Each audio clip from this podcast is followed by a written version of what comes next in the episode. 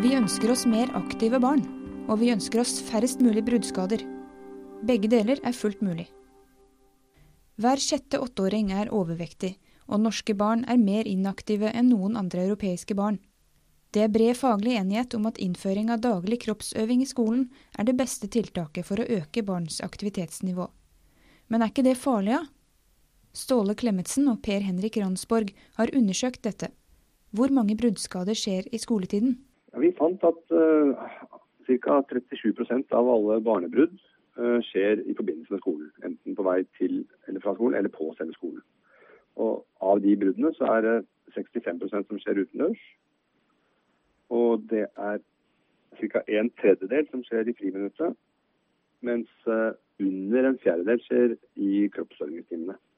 Det betyr at de fleste, det skjer flere brudd i friminuttet Eh, enn i eh, organisert eh, kroppsøvning. De fleste bruddene skjedde ved fri lek eller fotball eller ved lekeapparat i friminutten utendørs. Mens færre brudd og skader skjedde i gymtimene. Eldre barn har størst risiko for å pådra seg et brudd, og det skyldes at de med økt alder får bedre kroppskontroll og derfor deltar i mer avansert fysisk aktivitet. De løper fortere og hopper høyere. Den vanligste formen for brudd er håndleddsbrudd. Andre vanlige brudd er kravbensbrudd og underarmsbrudd og ankelbrudd. Dere har undersøkt bruddraten i andre aktiviteter tidligere. Hvordan ligger bruddraten i skoletiden an sammenlignet med disse? Ja, Vi så på uh, hvor mange brudd som skjer per tidsenhet for forskjellige aktiviteter.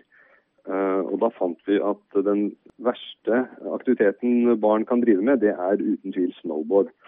Bruddraten ved kroppsøving på skolen er, ligger helt på bunn av denne listen. F.eks.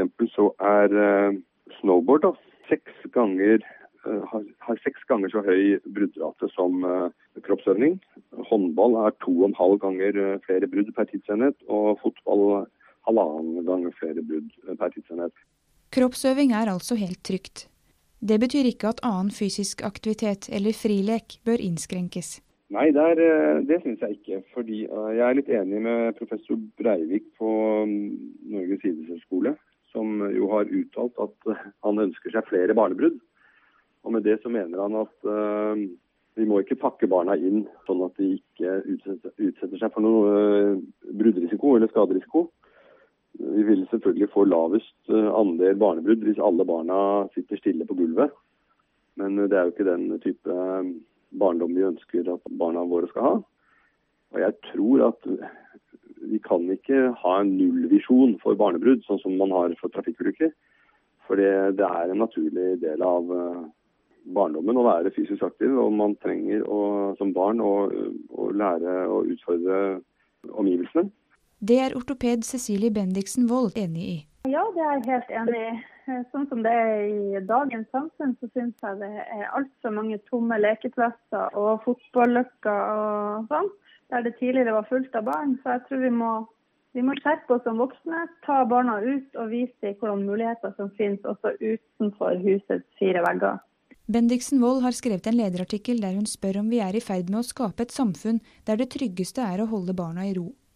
Hun mener inaktivitet hos barn i stor grad skyldes vår måte å organisere samfunnet på, med mye skjermeaktivitet, at vi kjører ungene til og fra aktiviteter, og at vi legger opp til mindre frilek enn tidligere. Men er det mulig å få i pose og sekk, da? Aktive og trygge barn? Eh, det kan vi få ved å eh, legge til rette. Jeg tror vi må starte tidlig med å innarbeide holdninger og sånt hos barn. Jeg tror at eh, de minste barna, opp til to-tre års alder, de må passes på. De er ikke i stand til å beskytte seg sjøl, og de ser ikke farene eh, sånn som vi vet at uh, finnes der. Når de begynner å bli gamle nok til å forstå hva som er problemet, og hva som, hva som gir økt fare for at de skal skade seg, så må man uh, gi dem muligheten til å leke fritt under supervisjon. Og når man ser at de mestrer det, så kan man eh, gi et eh, frislipp eh, sånn at de kan leke uten supervisjon.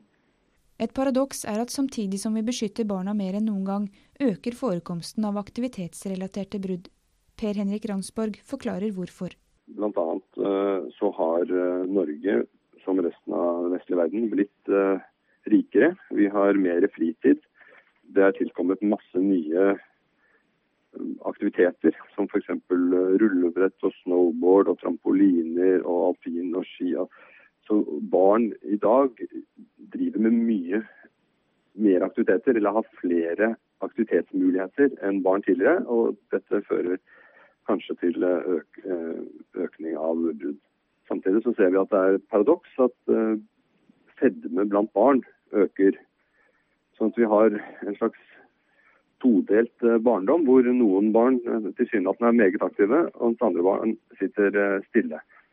Er målet om én times fysisk aktivitet hver dag mulig å nå?